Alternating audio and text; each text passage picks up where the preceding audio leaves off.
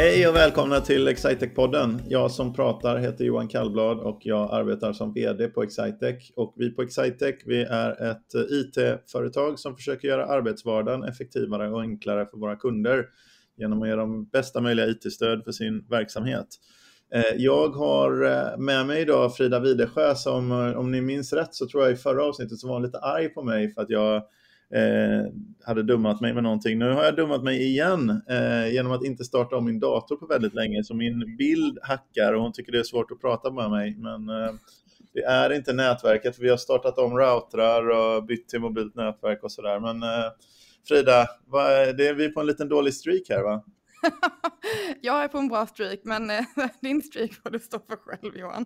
Ja. Men jag kan ju se dig i alla fall jag ser att du sitter på något som ser ut som eh, ett hotellrum som mm. jag har varit. Jag tror att jag ser Oslofjorden i bakgrunden. Kan det vara så? Men det stämmer. Det är, eh, det är ju vårt, vårt standard Scandic hotell när vi är på besök här i Oslo. Jag har ju bott här väldigt många nätter nu så att det känns lite hemma. Jag har varit på väldigt många olika typer av eh, hotellrum på det här hotellet. Så att, ja.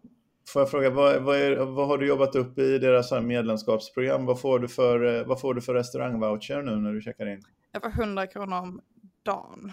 100 kronor. Jag tror 150 tror jag är det man, man når mm. elitnivå så tror jag det är 150 kronor. Ja, men det går snabbt nu. Jag, alltså, 100 kronor om dagen är också rätt så mycket så att det blir ju en, en härlig middag eller sådär. Så att, eh, ja det är bra. I Norge får man inte mycket för 100 kronor va? Nej, jag får lägga alla vouchers på en middag men det, det är okej. Okay. Ja, okay. Men du, vi pratar om Norge här och vi, vi har ju faktiskt något så spännande som vår första, är det, det här är nog den första tvåspråkiga podden vi ska göra, för vi ska vi prata svenska och norska va? Är det inte så? Det stämmer, vi har ju med oss Erik Scott Pascal från Excitec Norge, Vitari, Apart of Excitec-gänget. Välkommen Erik! Tack för det, väldigt hyggligt att kunna vara med. Det blir ju spännande att höra om vi träffar språkligt, att det inte blir någon missförståelse med ord, men hyggligt att kunna vara den första norska gästen. Mm. Spännande. Jag, jag förstår, vad sa han? Erik är ju faktiskt väldigt, väldigt enkel att förstå. Det, det, kan ju vara vissa norska dialekter som är lite lurigare uh, att hänga med på. Det är vissa gånger jag bara nickar och ler, men uh, det, det, blir färre gånger. Man kommer ju ganska långt på, på nicka och le. Verkligen. Alltså, Ja. Men, men, det, skulle vi, vi, skulle kunna ta någonting om norska, vi skulle kunna göra ett Excitec-podden special om uh, norska dialekter.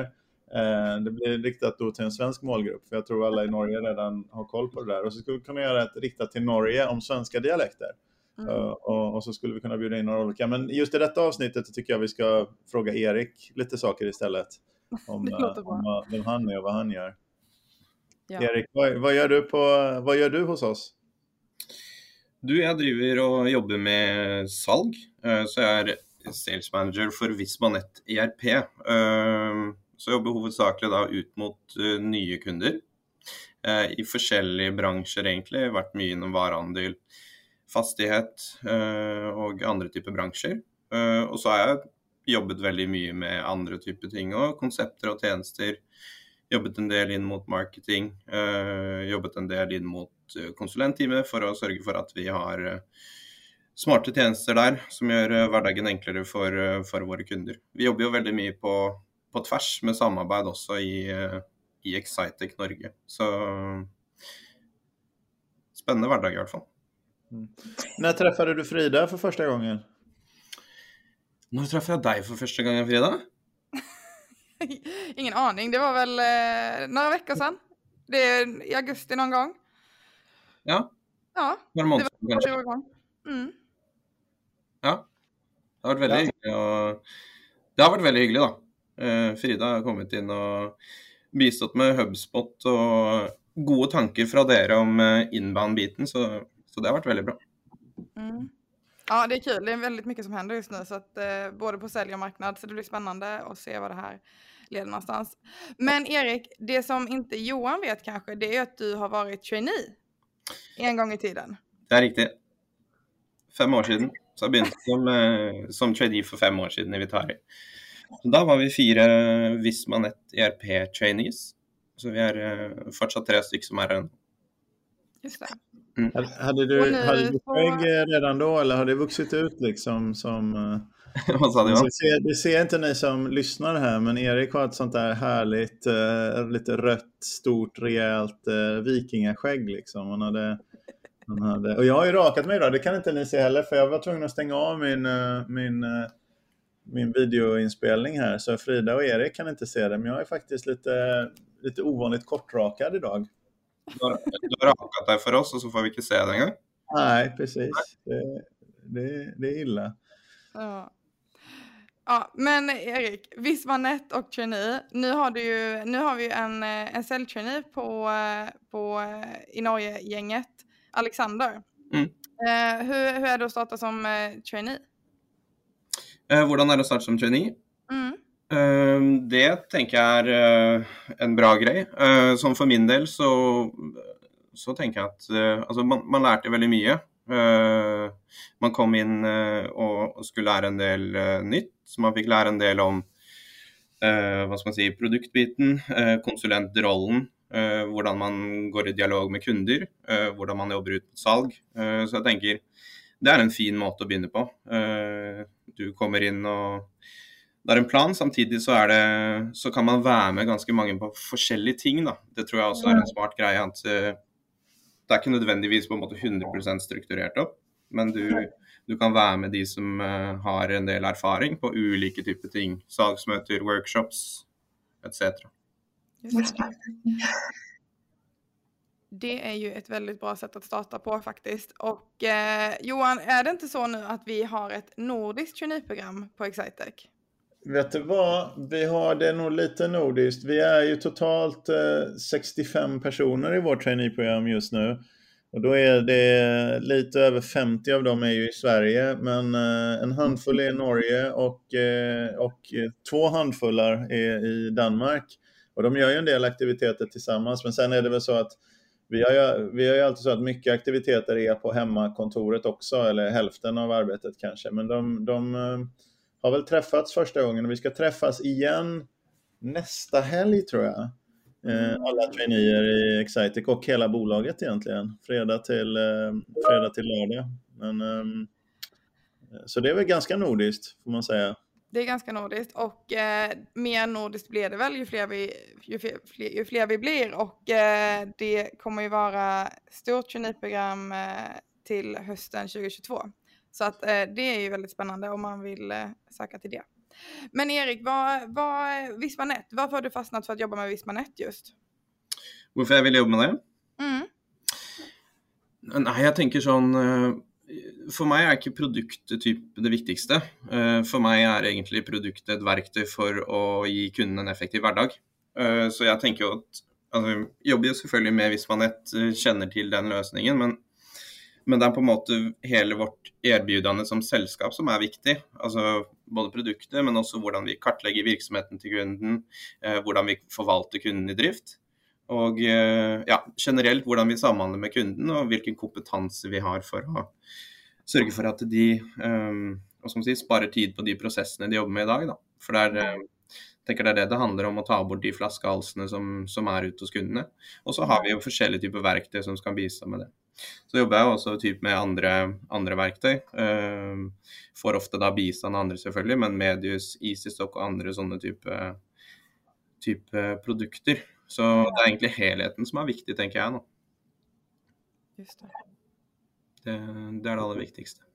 Mm. Är du nervös eh, Frida förresten? För eftersom du inte ser mig så vet ju inte du tekniskt sett ifall jag lyssnar eller ifall jag har börjat koka kaffe eller något sånt där. Är det, svårt? det, det är faktiskt väldigt svårt när jag inte ser dig för då vet jag inte när du har tänkt prata och inte. Så det är väldigt såhär, ska jag prata nu eller ska jag vänta? Ja, det är nästa, jag vet inte hur vi ska koda, vi kan ju prova att slå på igen. Men du Erik, i, i, eh, vi har ju en väldigt massa, det här affärssystemet eh, Vismanet, det är ju ändå fortfarande ganska nytt, även om vi har jobbat med det i, i många år så är det nyare än många andra. Men vi har ju en väldig massa andra kunder som inte använder det systemet, speciellt i Norge. Vad, vad, är det, vad använder de för några saker då? Jobbar du med, dem, jobbar du med att byta gamla system mot nyare också? Eller hur fungerar det? Med... Ja, eh, vi, vi jobbar med det också. Alltså, vi säger att vi, eh, vi är en strategisk samarbetspartner för kunden. Så vi är ofta i dialog med kunden med tanke på eh, var är förrättningen deres som to-tre år, og, og, hva skal til for at de skal nå de målene. Og da er jo på en måte disse digitale verktøyene som jeg har snakket om nå, en, eh, en del i det. Så, så noen virksomheter uh, ser jo på muligheter for å ta i bruk f.eks. Vismanett og andre typer verktøy uh, av de kundene vi har. Uh, mens andre har en litt lengre tidshorisont. Så det er litt forskjellig egentlig. Men der kommer jo viktigheten av å være tett på kunden. Da. Mm. Men du, innan du, får jag fråga förresten, bor du i Oslo eller utanför Oslo? Bor i Oslo. Ja. Har du alltid bott i Oslo? Jeg har bodd i, Oslo-området. Eh, så jeg er oppvokst eh, rett utenfor Oslo i en kommune som heter Bærum. Mm. Där, jag tänkte komma till det innan. Vi brukar göra någon lite mänsklig porträttering av, av eh, de som är med också. Så det innan, eh, för det är inte alla, om, om du inte alltid har drömt om att jobba med försäljning av den här typen av system och så där, vad gjorde du innan du började som trainee? På, på... Ja, før jeg begynte som trainee i, i Vitari, så hadde jeg jo studert. Så jeg har studert uh, fem år på BI i Oslo. Var et halvt år på utveksling i Rio de Janeiro, faktisk.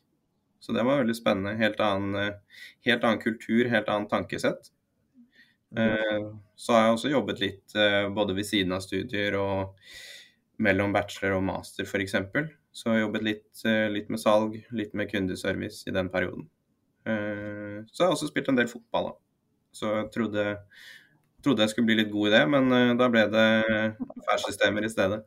Ja, men det är ju ungefär samma sak vad, vad heter det? Ja, det är lite mer, man får lite mer uppmärksamhet i, i fotboll kanske ibland. Men, men eh, sådär extra, det är lite sådär, när man, när man pratar, man träffar någon eh, på en restaurang och pratar om vad man gör och så är man fotbollsspelare eller så är, säljer man affärssystem så tror jag konversationen tar lite andra vägar.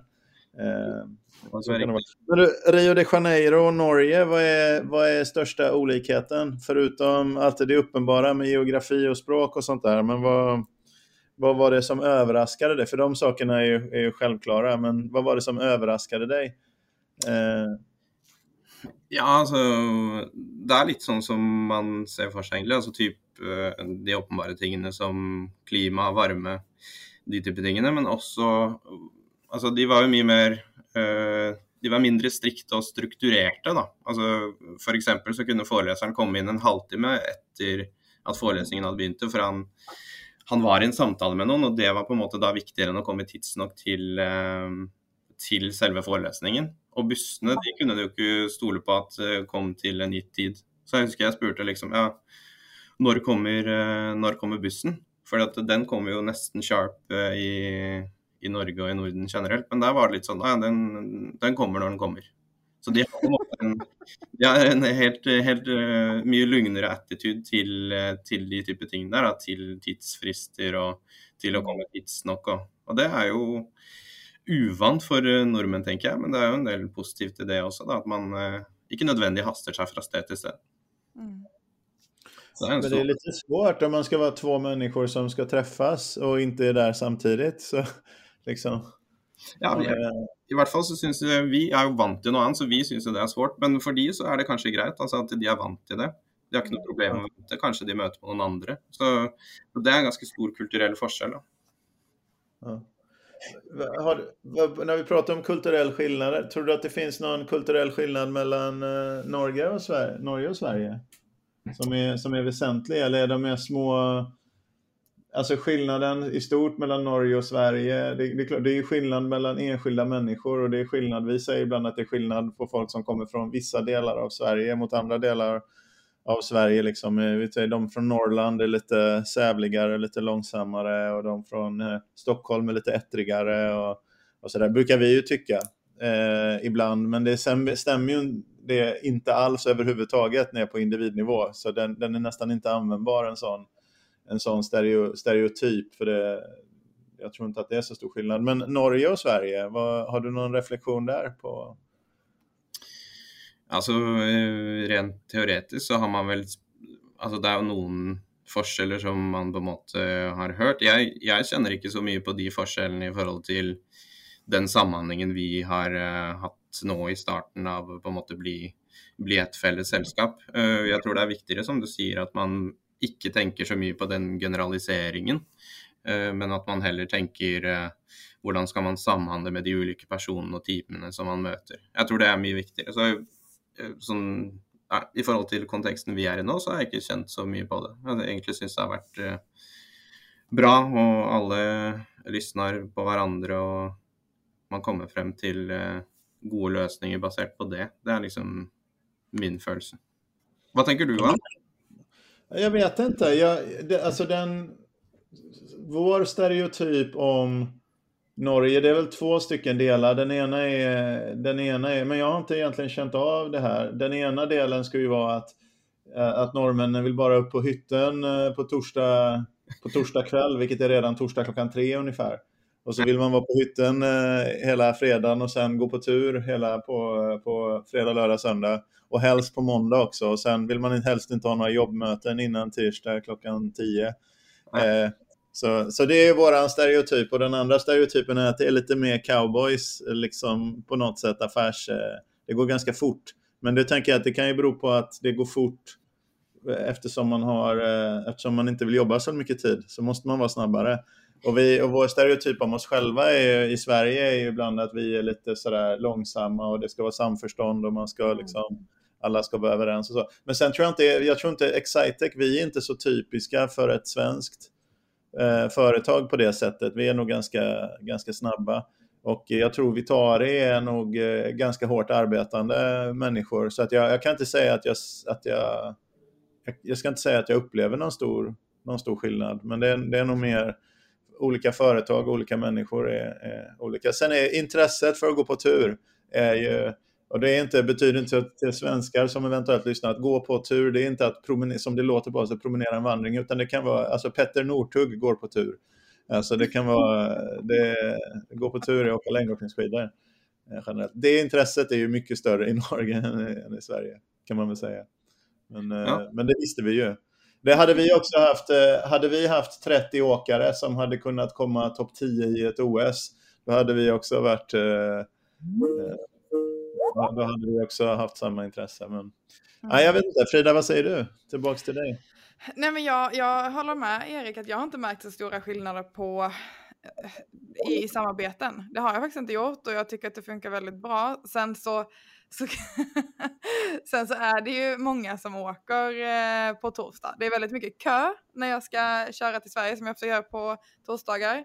Eh, det är mindre kö eh, på fredagar. Så att jag, jag tänker att det är så kanske då. Att man gärna åker till hytte, har jag förstått, tidigare. Eh, så jag försöker att inte åka torsdag eftermiddag för att då är det rätt så svårt att ta sig ut. Ehm, så att det kan jag nog märka. Sen märker jag nog, jag vet inte om det är en företagssak eller om det är en Norge generell sak, men i Sverige så jobbar man ju, fast det kan nog också ha att göra med att det har varit pandemi precis så att vi inte helt är tillbaka än. Men eh, det är väldigt många som jobbar länge på kontoret, att man sitter kvar länge på kontoret om man, man, man jobbar kvar liksom efter, efter 17. Men jag upplever att eh, det här så är det mer, man jobbar lika mycket men man kanske gör det hemifrån eller på hytte eller vad man nu, lite mer flexibelt kanske var man sitter någonstans. Mm. Um, det tror jag. Det, der, ja. det er litt spennende der, for man har disse stereotypene. Men som dere sier også, uh, man, har, man har jo typ hørt om svensk ordning og rede og de type tingene der. Men sånn som jeg også Det har du ikke merket noe av. men på en positiv måte, tenker jeg. Altså, dynamikken og hastigheten og fleksibiliteten som jeg oppfatter som dere har eh, som organisasjon, er mm. veldig moro. da. Så det er på en måte veldig forskjellig fra den stereotypen som, som dere nevner nå, da, at liksom det skal være litt langsomt og rolig. Ja. Jag tror det. Det är en gammal svensk storföretagsstereotyp som många av oss som driver lite yngre bolag försöker komma ifrån. Det här att alla, alla måste vara överens, att man får egentligen ingenting gjort, man kan inte ta beslut, eller man får saker gjort, men först efter att alla är överens, för man har svårt att ta beslut om inte alla tycker samma sak.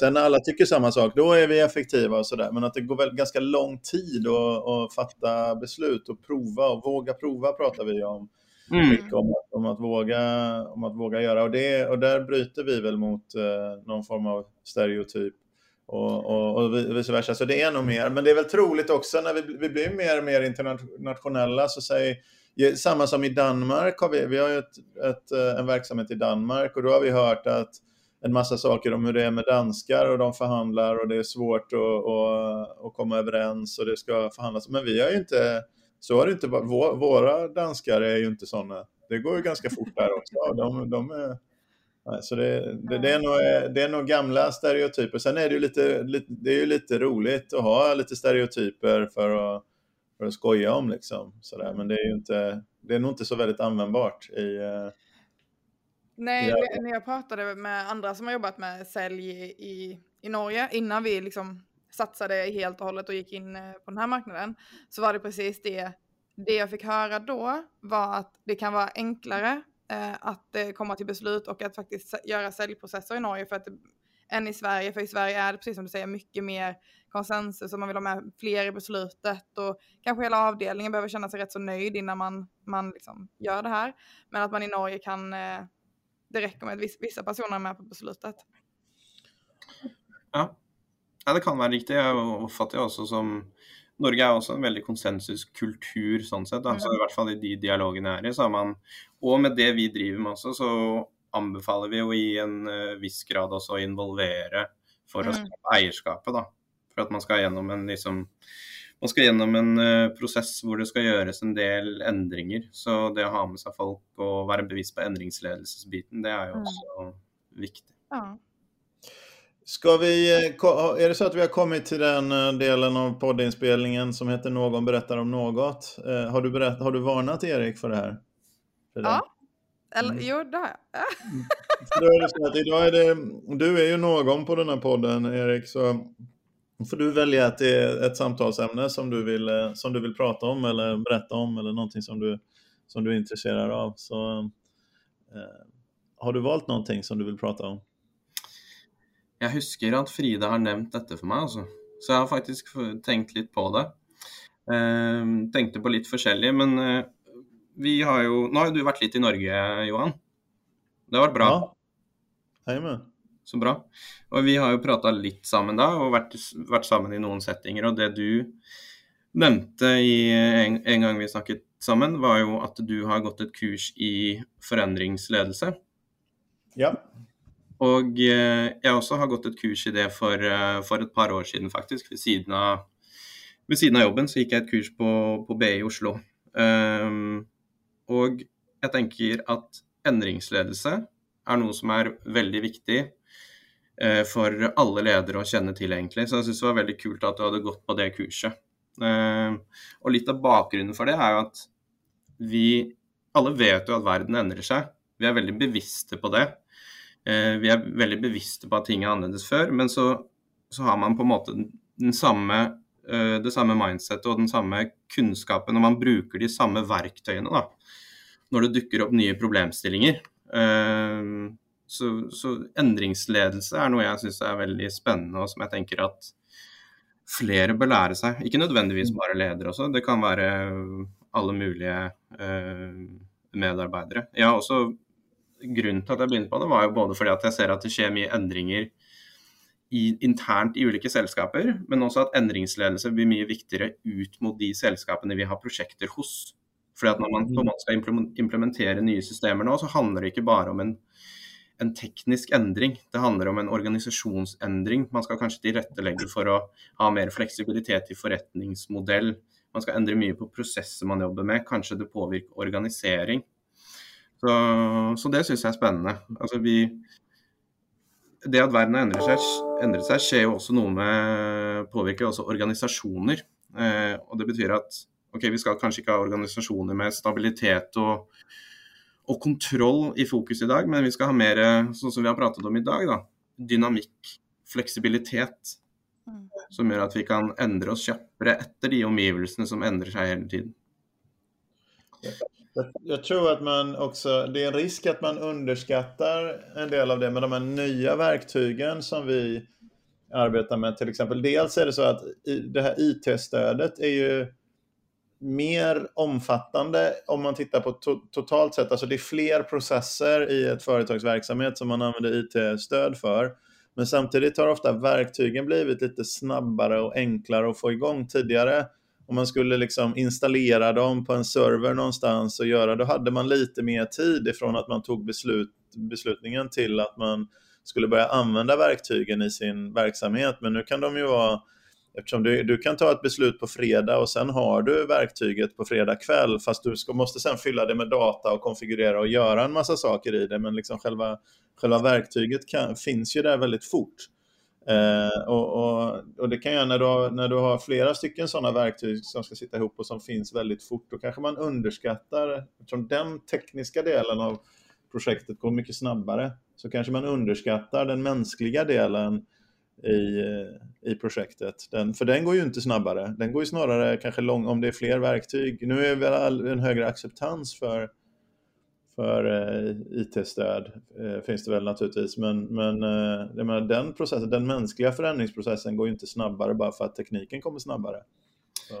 Nej, och kanske också, det är ett gott exempel, da. for det där har du ju på en måte endringen i det tekniska. Altså det tekniska är kanske enklare. Men ja. du altså med mer standardiserte løsninger som skal sikre god automatisering også, så, så blir prosessen og hvordan du setter opp ting. Eh, du må gjerne kanskje ha litt skreddersøm utenfor selve ERP-kjernen. Og så må man kanskje bruke lengre tid i forkant på uh, I mange tilfeller ser vi det også, at man må bruke en del tid i forprosjekter på å forstå virksomheten, forstå hvordan man faktisk skal jobbe annerledes. Og det er jo den modningsprosessen også som gjør et prosjekt annerledes. og hva skal man si, viktigheten av, eh, av å ha fokus på det och endringsledelsesbiten. Så, så mi, lite mindre teknik och lite mer mjuka faktorer kanske i verksamhetsförståelse och eh, även förstå människorna som, som ska använda verktygen och se deras, deras vardag och se hur den förändras. Ja, ja mer, mer, fokus på det som, alltså, det som är runt det tekniska. Mm. Det, vill jag det är väldigt spännande och det, det är extra spännande med förändringsledning och förändring generellt i den situationen som vi är nu Erik, där det är väldigt mycket förändring som händer. Det är ju både stort och smått, men varenda gång det är någon förändring som sker så slår det mig hur, hur jobbigt det är varje gång. Det, det är alltid det är kul och spännande, men det är alltid jobbigt att förändras och man blir alltid utmanad. Så att man blir väldigt ödmjuk inför vad våra kunder går igenom. Det är såklart att det är jättetufft att hoppa in i nya system, att eh, skapa nya arbetssätt och göra nya rutiner. För man blir också upp... Man förstår ju också att samtidigt som vi gör alla de här förändringarna så ska man ju fortsätta jobba och göra de sakerna man precis alltid gör. Eh, mm. Det vi alltid gör, vi, vi skapar värde för våra kunder, vi möter våra kunders utmaningar och samtidigt ska vi också ändra sättet vi själva gör det på. Så att, eh, ja, det är ju väldigt spännande. Vi underskattar ju faktiskt det ibland i, i våra egna förändringsprojekt. Vi bara kör liksom. Mm. Och, så, och sen eh, så tycker vi att det är konstigt att inte alla bara älskar det. Det här är ju jättebra. ja. Sen tror jag vi i vår, i vår bransch är väl säkert mer än vi är något mer vana vid förändring än i många andra verksamheter, men, men lika fullt så, så ska man inte glömma bort det mänskliga. Man ska vara bevisst på det mänskliga och jag tänker um, efter kurset på så, så ger det en, ett inblick i på en måte de nya uh, ändringarna som sker, men också en del traditionella ting, alltså hur fungerar uh, individer Eh, hva skjer i markedet, og hva er på en måte viktige kjennetegn ved organisasjoner sånn sett. Så du får ett helhetsbilde runt de tingene vi snackar om nu. Mm. Mm. Verkligen. Det är faktiskt väldigt spännande. Jag tycker ju att det är väldigt eh, intressant med förändringsledning. Vi har ju ett ledarskapsprogram på Excitec, Johan, och eh, vi har ju också ett mentorskapsprogram och andra interna utbildningsprogram. Ett förändringsledningsprogram eller en kurs i det hade inte varit helt orimligt. Kanske framförallt så det borde ju i alla fall vara med i eh, det borde ju vara med i eh, vårt ledarskapsprogram. Ja. Eh, som ett avsnitt kring, kring förändringsledning, men samtidigt också alla som jobbar med projekt. Egentligen alla, men det, det är så många saker som egentligen alla borde, borde veta någonting om. Liksom. Lite kanske retorik och kommunikation och lite lite sådär. Men, det här är, men jag hade mycket nytta av, av, oväntat mycket nytta. Jag trodde nog, jag hade nog inte så höga förväntningar när jag gick min utbildning i förändringsledning. Jag hade nog inte så höga förväntningar, men jag har använt det mycket mer för att, för, kanske inte att det har lärt mig så mycket hur man ska göra mer än att det lärde mig att tänka på perspektivet. Men det har lärt mig att förstå mer kring organisation och olika människors drivkrafter och varför jag, vad som är mitt, e, min egen brist. Och det, jag pratade lite med Erik om det i, i måndags och tisdags när, vi, när jag var i Norge och vi, vi hade möten.